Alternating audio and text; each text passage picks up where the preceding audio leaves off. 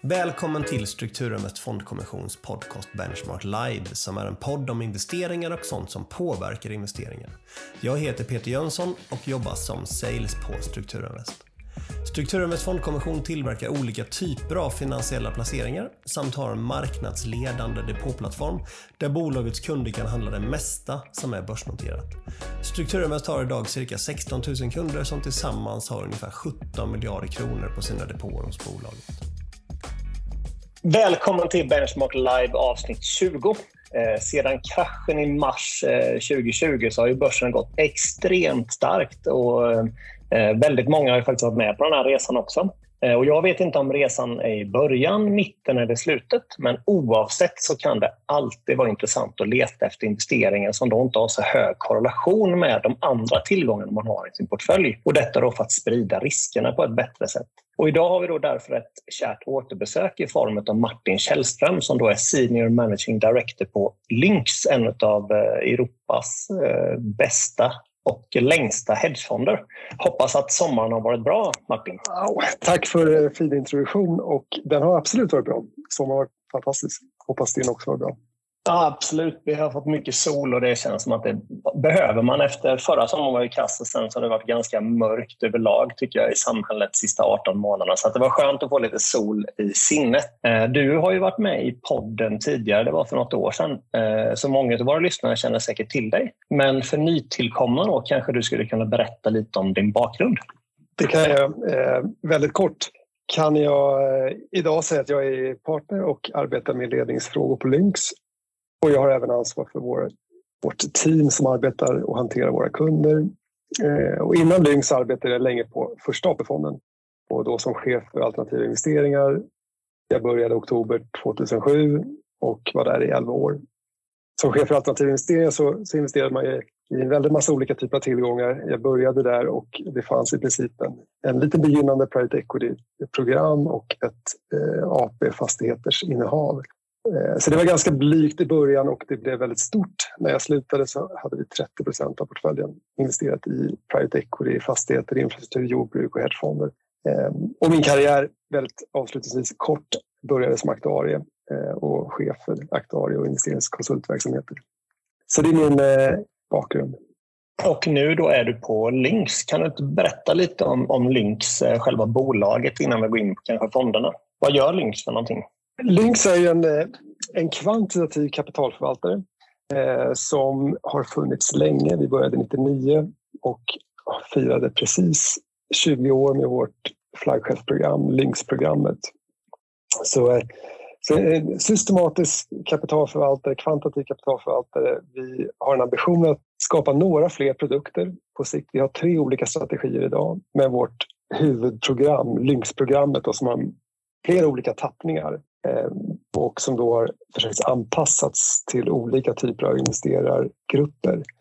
Men Lynx-programmet är ju majoriteten av vårt förvaltade kapital som är i runda slängar 6,8 miljarder US-dollar. Och det gör oss till en av världens största förvaltare inom det vi gör.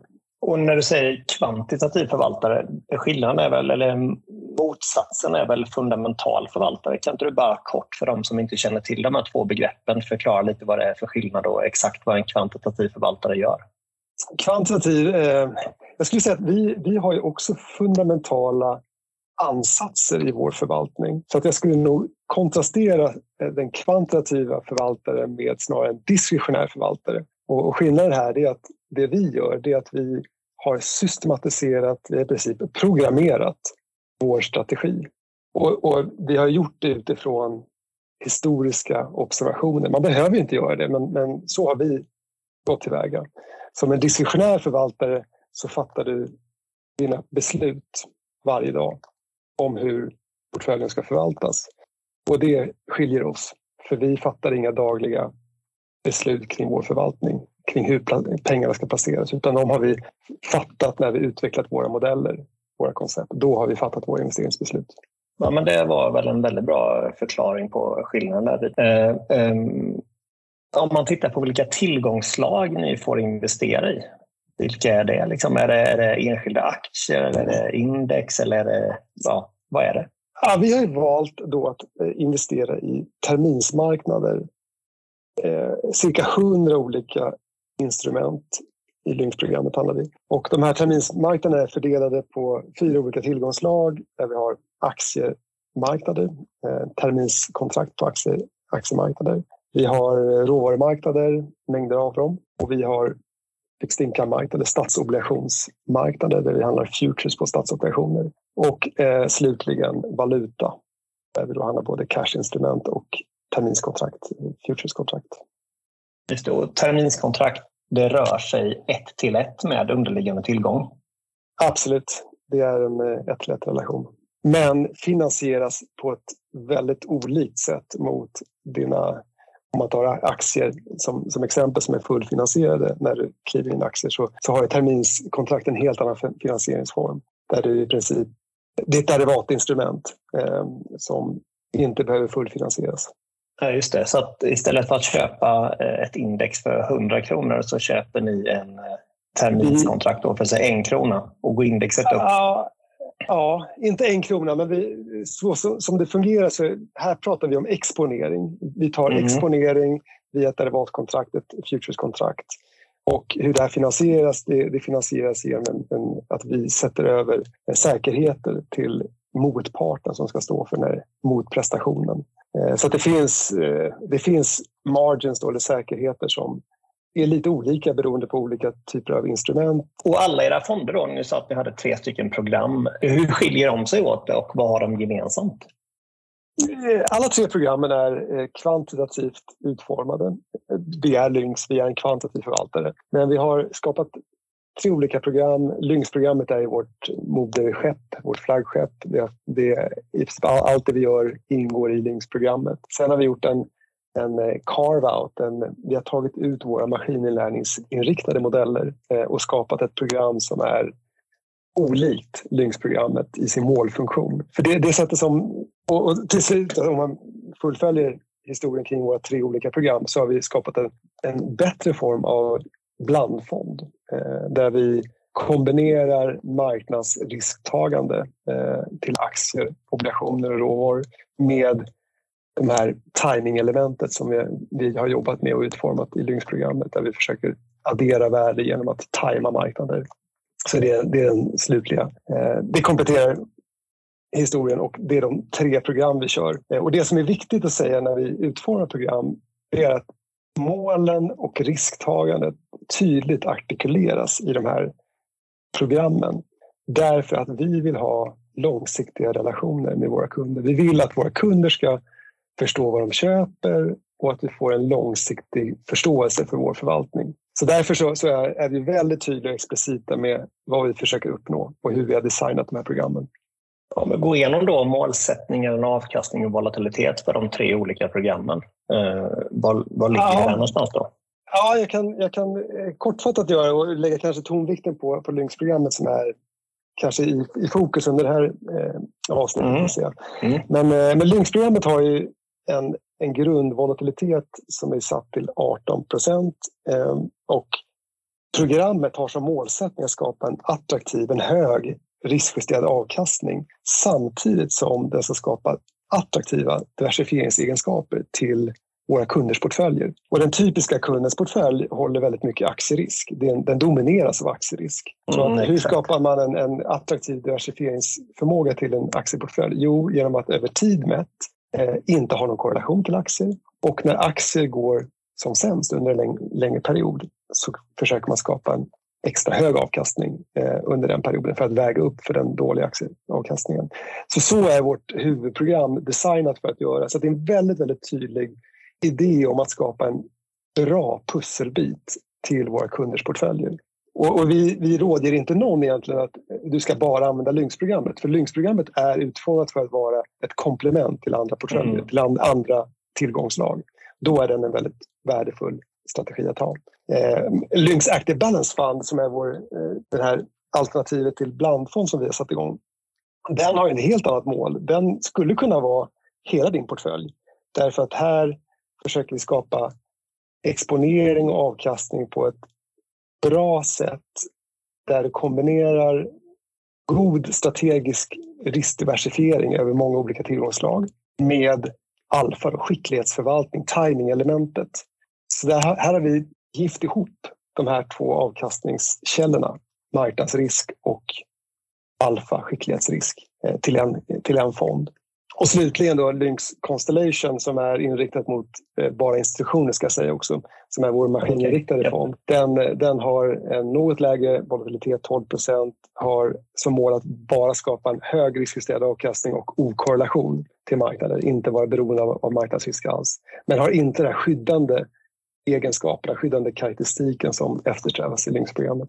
Så egentligen kan man säga, om jag översätter det på svenska, så ungefär samma risk mätt i volatilitet som en eh, börs. Uh, och ungefär yes. samma avkastning som börsen över tiden också, fast extremt låg korrelation till övriga tillgångar i portföljen som det oftast är börs.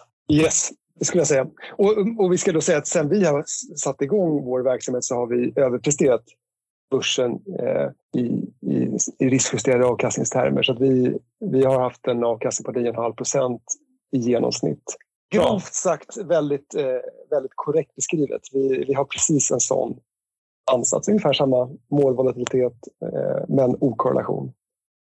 Mm, det är väldigt bra. Och de som då kan, eh, kan hur man räknar ut eh, portföljrisk och eh, portföljavkastning och sånt. Så um, om man har samma förväntad avkastning till samma volatilitet fast låg korrelation så blir ju totalrisken i portföljen lägre samtidigt som då den riskjusterade avkastningen går upp. Och det är därför Lynxfonden eh, då passar i en portfölj enligt dig, eller hur? Så är det.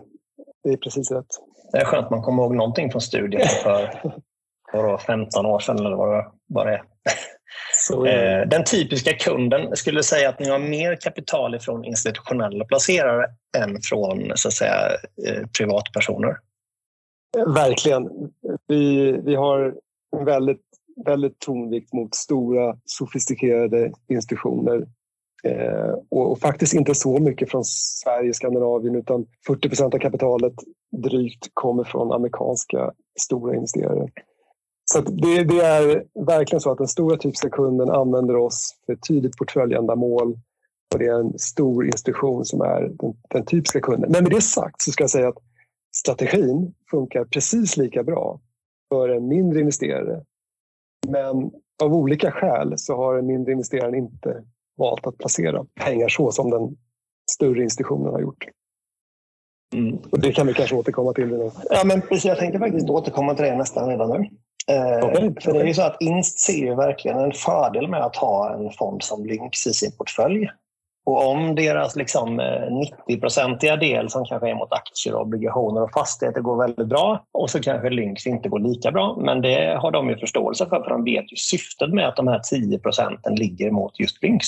Medan en privatinvesterare vill ju kanske ofta att allting ska gå precis lika bra och framförallt mycket bättre än börsen. Liksom alla delar av portföljen ska gå fantastiskt. Eh, och risken är väl att man kanske bryter bort det som går sämst och placerar det som går bäst hela tiden så att det blir så här, vinnarna får mer och mer pengar och de som... Ja, man kanske glömmer bort varför man en gång köpte den här placeringen. Det, håller du med om det? Liksom, eller Ja, det håller jag med fråga eller med mitt påstående. Det känns som att retail borde tänka mer som vinst. Liksom. Men det är väldigt Precis. svårt att göra det, klart. Ja, det är väldigt svårt. Och jag skulle säga att i grunden så har vi vad skiljer de här typerna av investerarna åt? Jo, det är att en institutionell förvaltare har som uppgift, det är profession att placera pengar. Och det man gör det är att man arbetar väldigt strukturerat med hur man sätter samman en portfölj av olika tillgångar. Eh, så det är ett strukturerat arbete som oftast utförs av välutbildad personal som placerar pengar. Eh, och det är inte alltid så för privatinvesterare. Det kan vara så, Eh, men det är inte alltid så för privatpersoner. Och, och det som det leder till det är att du har en mycket mer fokus på portföljsammansättning där olika tillgångar, investeringar ska bidra på olika sätt till helheten. Och, och det finns en grundförståelse då därmed att alla tillgångar kan inte, ska inte röra sig på samma sätt. För det, du har strävat efter att, att tillgångar ska röra sig på olika sätt. Och då när man utvärderar en tillgång som går under en period sämre så har man det i minnet och tänker att den här perioden var, var bra för, om vi tar närminnet, så har det varit väldigt många bra perioder för aktier till exempel, där andra tillgångar inte har kunnat mätas upp till aktieavkastningen. Men det finns trots det goda skäl för att framöver hålla en strategisk vikt till de tillgångar som i närminnet inte presterat lika bra som aktier. Därför att framtiden är osäker. Hade vi vetat att aktier skulle fortsätta överprestera allt annat, då hade vi inte valt att placera någonting annat än aktier. Men det vet vi inte. Det är väldigt få som har en sån stark övertygelse eh, där inte andra scenarion kan spela ut. Och när, och när andra scenarion kan spela ut, när osäkerhet finns, då är diversifiering den enda fria lunchen. Det är, det är sån där sägen i kapitalförvaltningsvärlden att den enda fria lunchen som finns i kapitalförvaltning är att diversifiera om det finns osäkerhet. Och då att, att söka investeringar, förlåt det här blir en väldigt lång monolog märker jag, men att, att söka investeringar som har tillgångar som har, har ett oberoende förhållande till varandra. Det är väldigt svårt. För de flesta tillgångar har i grunden en liknande korrelerad risk. Men hedgefonder och några fler tillgångsslag har förutsättningar att skapa en okorrelerad risk som få andra tillgångsslag har. Och lyckas man skapa en avkastning som är okorrelerad så är det ett otroligt kraftfullt verktyg i en portfölj. Och det tror jag eh, institutioner ser och vill ha på ett annat sätt. De har mer, bättre, många institutioner arbetar med ett litet annat perspektiv än vad privatsparare gör.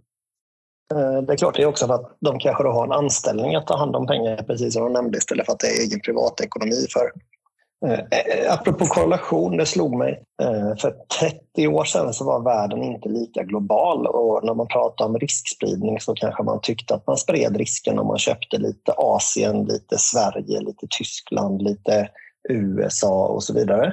Men nu känns det som att aktiemarknaderna runt om på jorden blir mer och mer korrelerade så att man inte har samma nytta av den typen av riskspridning. Eh, har du koll på om det påståendet stämmer eller är jag ute och cyklar där?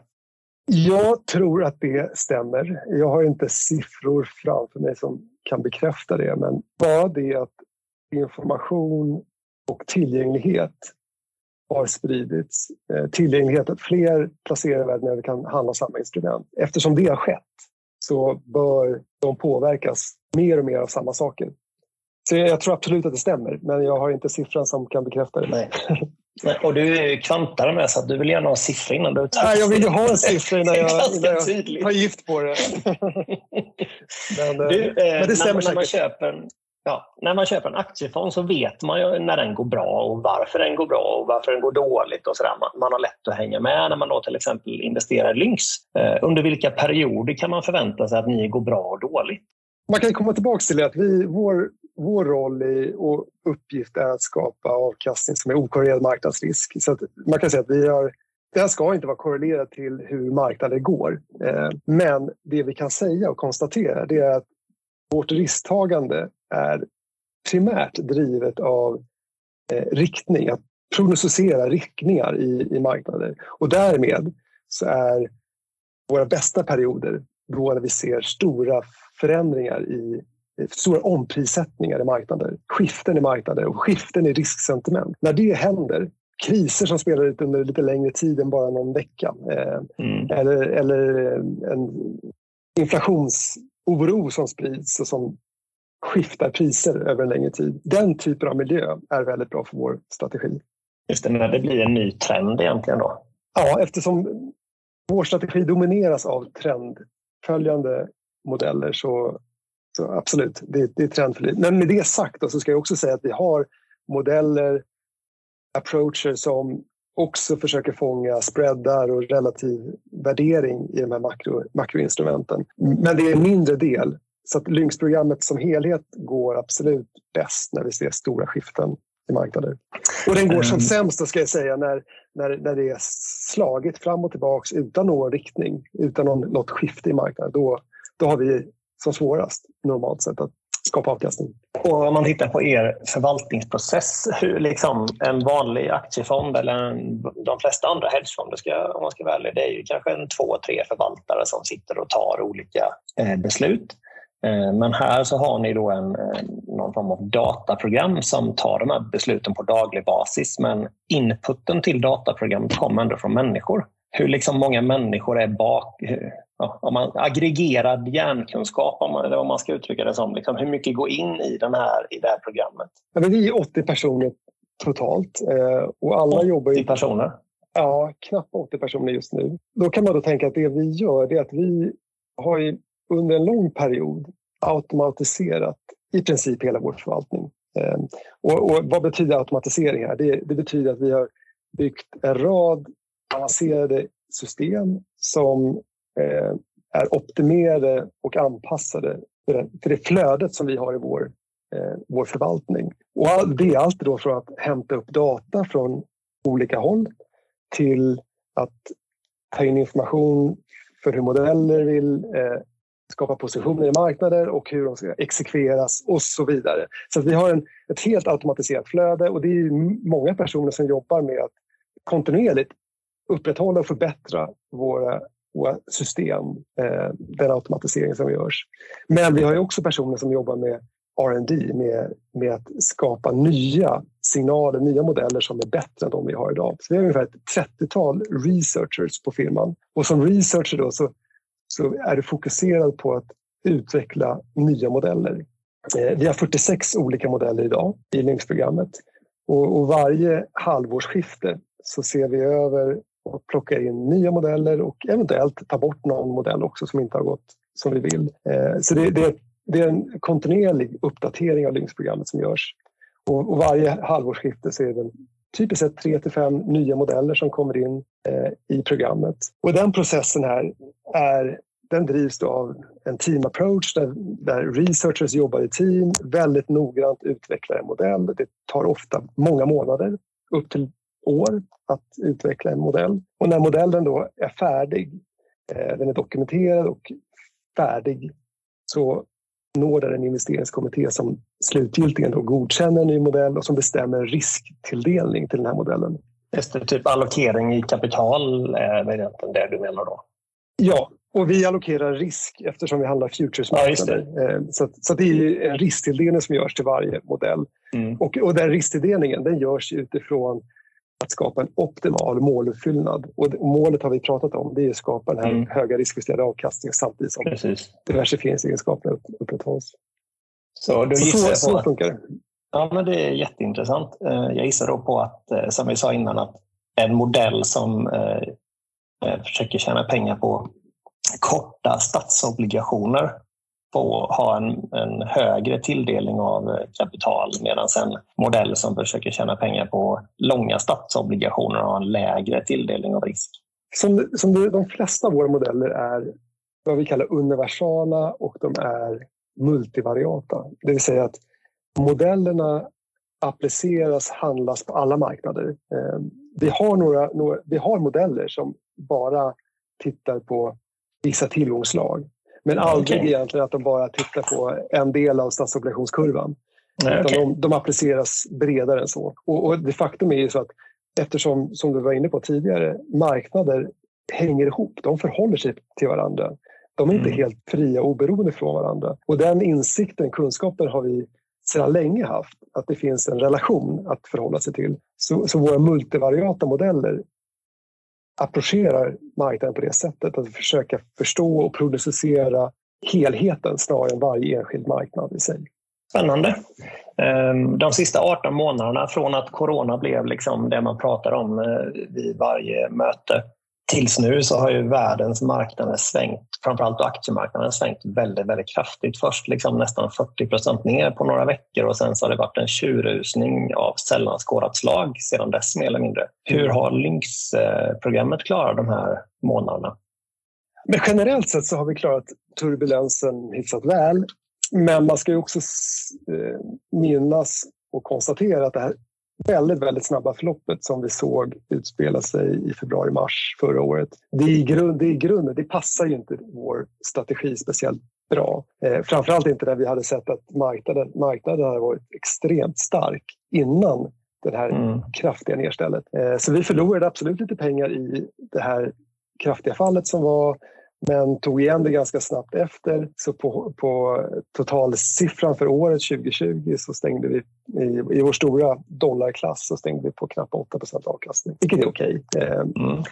Och för i år så har vi ju eh, fortsatt sett en bra marknad för oss. Och det skulle jag nog säga att de senaste tre, fyra åren har varit bra marknader och vi ser nog att det fortsättningsvis kommer kunna vara väldigt bra marknader. Vi är uppe ungefär fem dryga procent i, i samma dollarklass year to date nu. Där eh, både aktier men framförallt råvaror har varit en extremt intressant marknad för oss att handla i.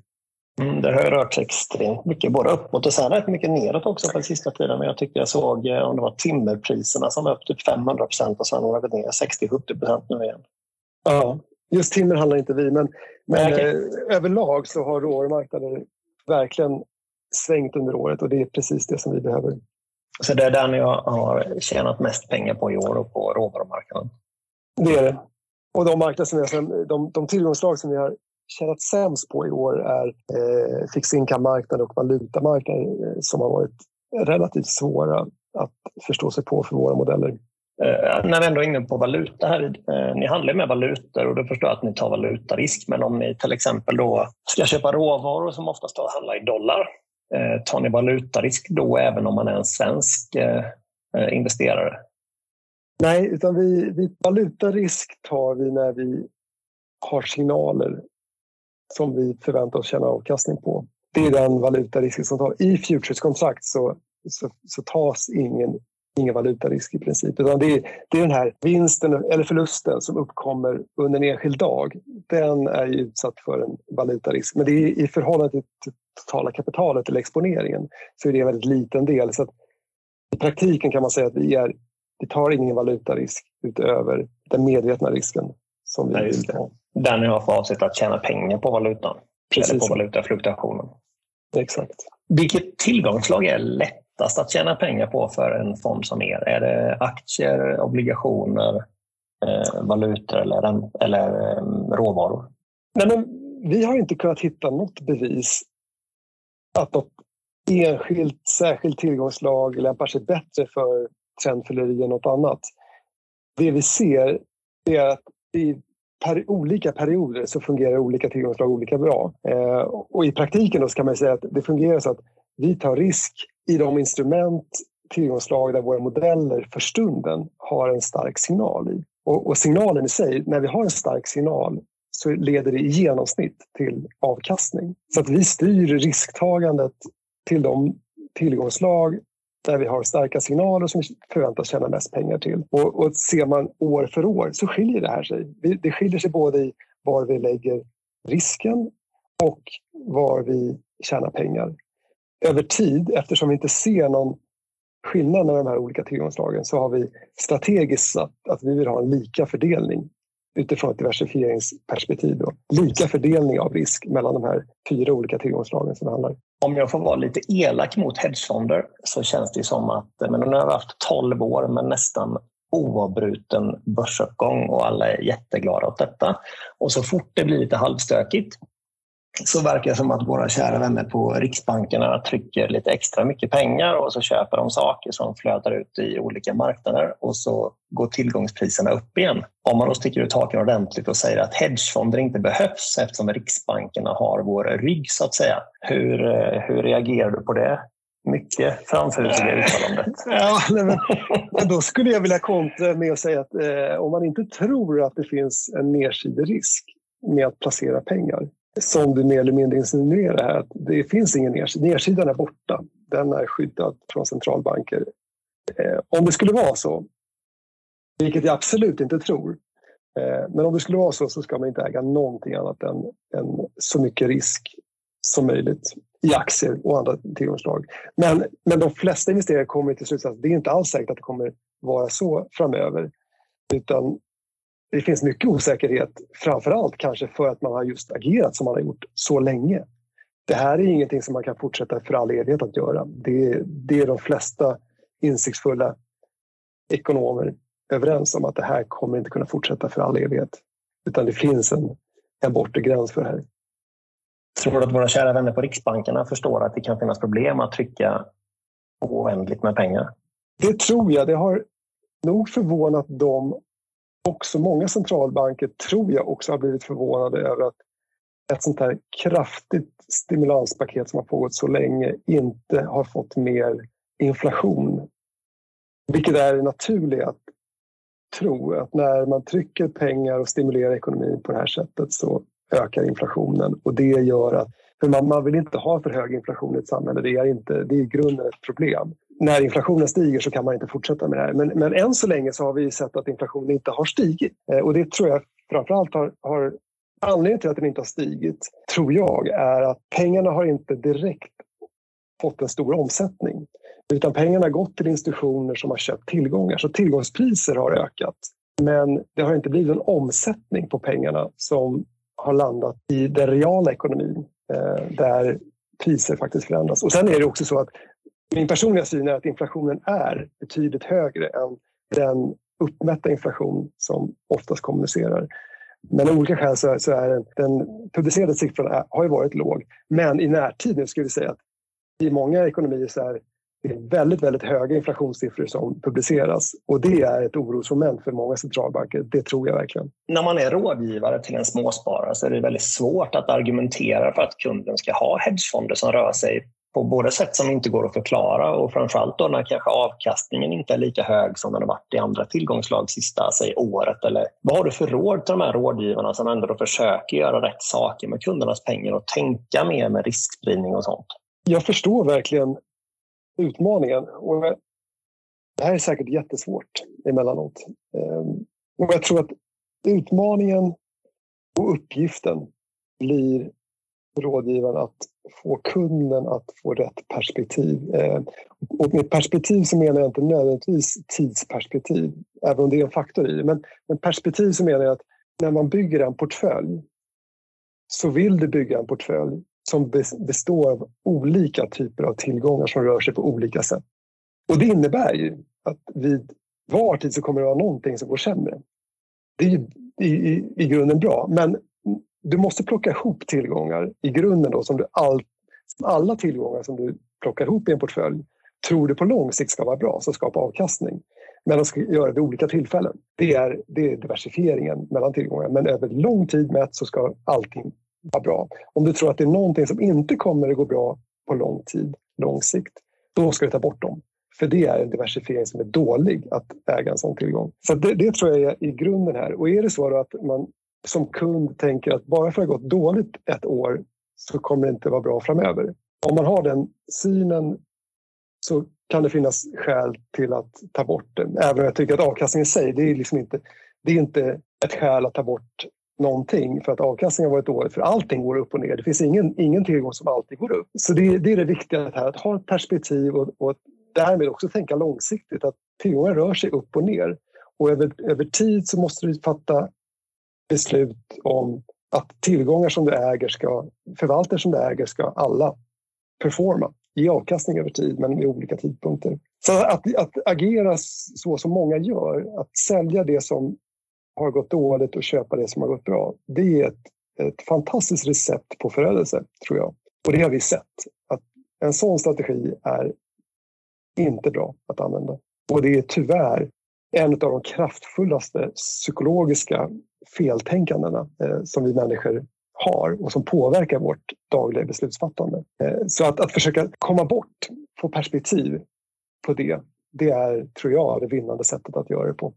Jag hörde någon annan, jag tror att det var, eh, om det var något av mina avsnitt, eh, där de sa om man liksom tar eh, vad blir det då, 12 år tillbaka så borde man bara ägt börsen. Men om man bara går tillbaka ett halvår till mer eller mindre så att man får med liksom den här 58-procentiga kraschen under finanskraschen så hade en lågrisk hedgefond av eh, liksom någorlunda hyfsad kvalitet gått lika bra som börsen på de då 11 och, eller 12 och ett halvt åren.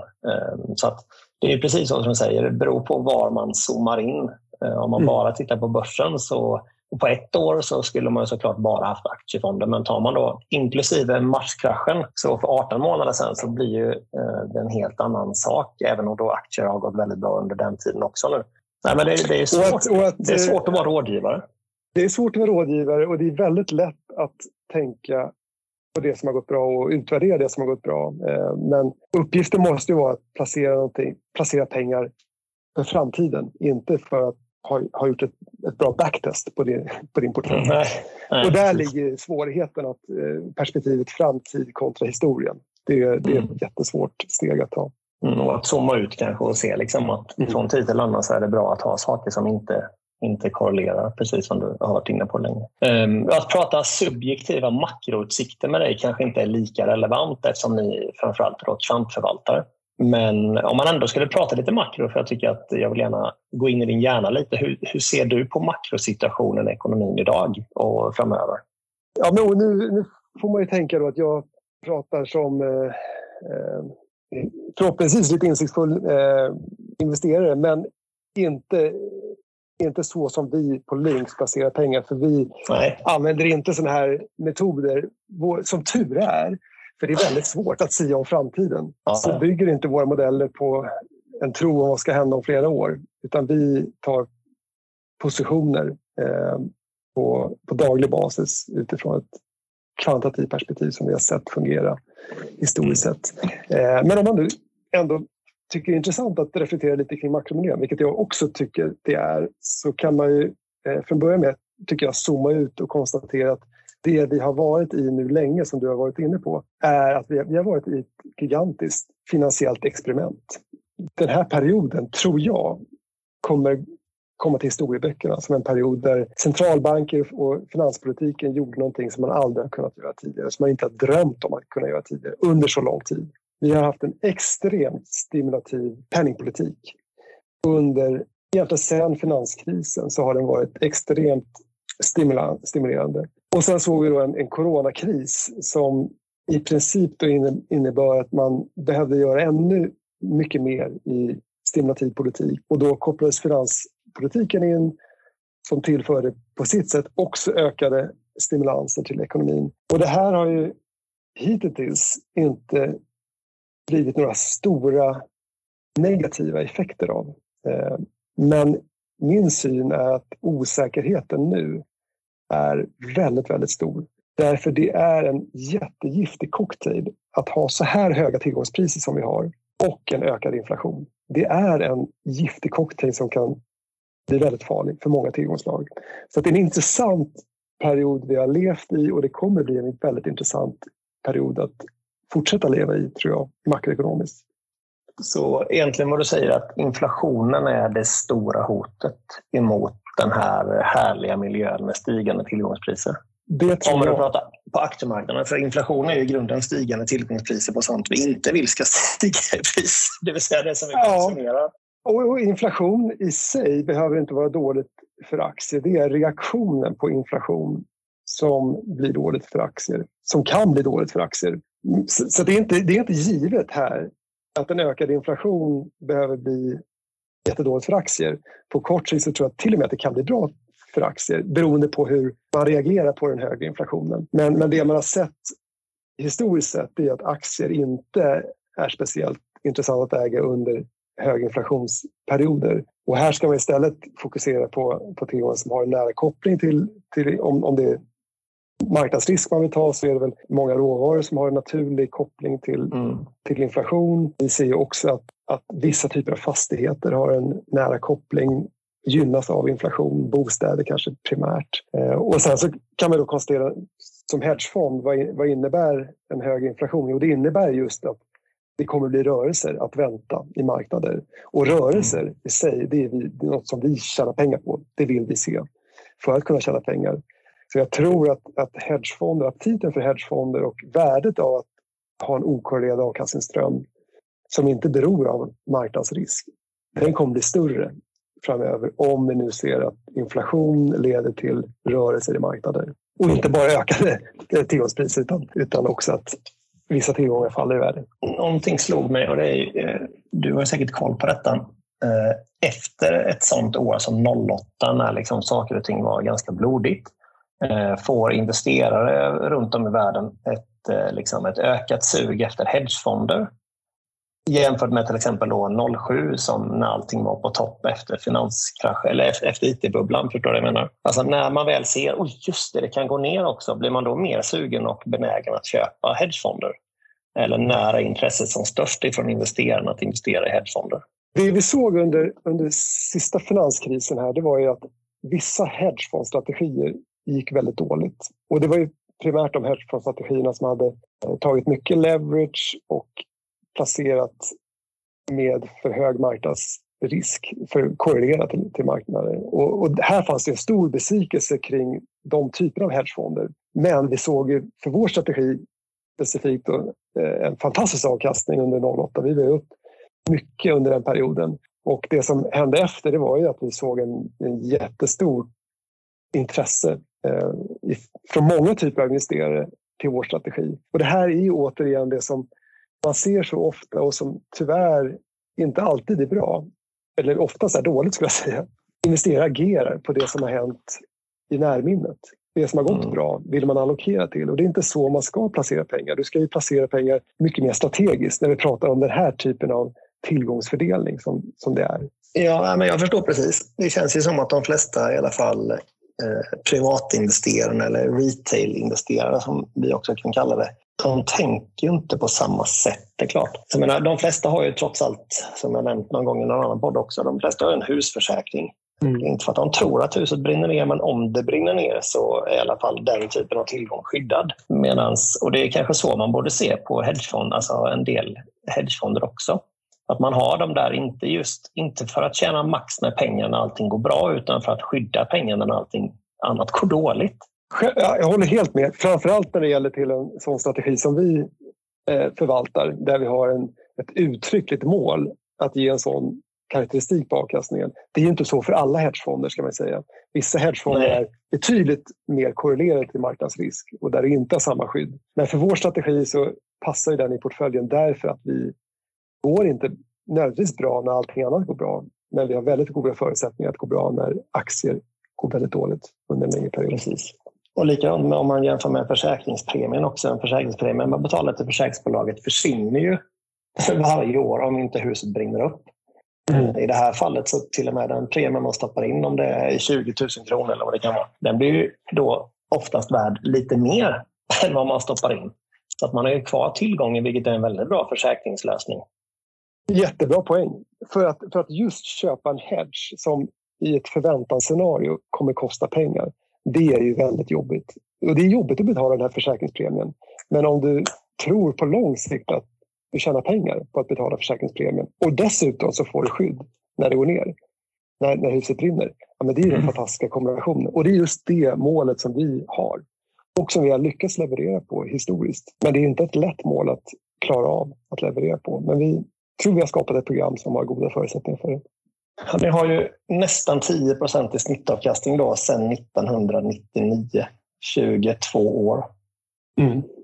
Det är ju otroligt bra och framförallt så har ni tjänat mycket pengar när andra saker har gått väldigt dåligt. Till exempel 08 när man som mest behöver någonting som väger upp.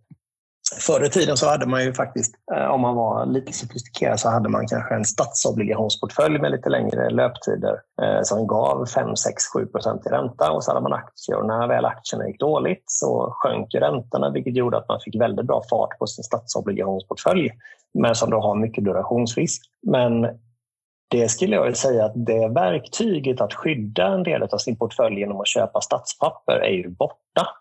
Eh, om man då inte vill ta väldigt mycket valutarisk. För det finns ju såklart statsobligationer i vissa länder som har höga räntor, men då, då får man mycket valutarisk på köpet. Men med svenska statsobligationer, vad är typ femåringen, vad är 30-40 baspunkter någonting?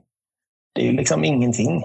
Jag håller med att uppsidan inte alls behöver vara där. Och dessutom så är det så att studerar man historien så, så den här negativa korrelationen som du pratar om mellan aktier och obligationer, den inte alls given att den behöver vara så framöver. För vi har sett historiskt att den har varit positiv korrelationen mellan aktier och obligationer under långa perioder i historien också. Så det är, inte, det är inte alls säkert att man behöver ha den där, även om det har varit så under en lång period nyligen nu. Framförallt när man väntar. Förr i tiden så fick man i alla fall lite ränta genom att vänta. Ja, exakt. nu får man ju ingen avkastning alls och man har kvar egentligen all risk om det är så att inflationen kommer och räntorna går upp för då kommer obligationer tappa väldigt mycket. Utan att vara matematiker, och, men om man har en tioårig obligationsportfölj och som ger säg 1% i ränta så går räntan upp till 3% Då tappar du mer eller mindre 20% av ditt obligationsvärde om du har så pass lång löptid. Eh, och då tappar du också 20 årsavkastningar och det kan gå ganska fort. Verkligen. Vilket är läskigt såklart när räntorna är så låga. De kan inte gå avsevärt mycket lägre även om vi har sett negativa räntor även på lång löptid i Europa. Ja, men några procent kanske. Eh, max tror jag, negativ, negativ ränta. Men det, det gör i ja. sig inte att det blir en enorm hävstång på en sån. Nej, och menar, risken blir bara ännu högre om, om du ska köpa en obligation på minus 2% som är tio år lång. Ja. Men den durationsrisken är ju ofantlig. Mm, verkligen. usch, usch, usch. Ja. Eh, om vi ska ta några avslutande ord eh, så skulle vi kunna ge med din elevator pitch, som det så fint heter på engelska, om varför småsparare, alltså vanliga människor och inte institutioner, ska köpa eh, någon av era fonder. Ja, jag skulle nog då vilja säga att som småsparare eller som, eh, som sparare så, som placerare generellt sett så har du en koncentration till aktierisk. Och vi har designat framförallt vårt flaggskeppsprogram, Lynx-programmet, för att vara ett optimalt strategiskt komplement till den här dominerande risken som du har i din portfölj. Eh, och vi är inte ensamma i världen om att ha det här, men vi är faktiskt en av världens främsta aktörer på det här och har skapat en en, en avkastning som ligger i topp bland sådana här typer av strategier. Jag skulle också vilja säga att, att taktiskt allokera till vår typ av strategi är väldigt, väldigt svårt. Och det skulle jag inte vilja råda någon att försöka sig på. Kan man klara av taktisk allokering generellt sett är ju väldigt, väldigt utmanande. Men, men, men klarar man det så all heder till det. Men, men, men att sätta en strategisk allokering till någon, en tillgång som har låg samvariation med din dominerande risk. Det borde de flesta investerare vara intresserade av. Så med andra ord, eh, sänk risken och behåll avkastningen. Det är väl egentligen det som är den, om man nu pratar så. envånings elevator pitchen istället för tvåvånings elevator pitchen. Ja, absolut, så är det ju. Eh, det är det som händer. Rent matematiskt så, är det det som händer. Precis så. Lysande. Jag tycker att vi har fått en eh, väldigt bra inblick i Lynx och din vardag.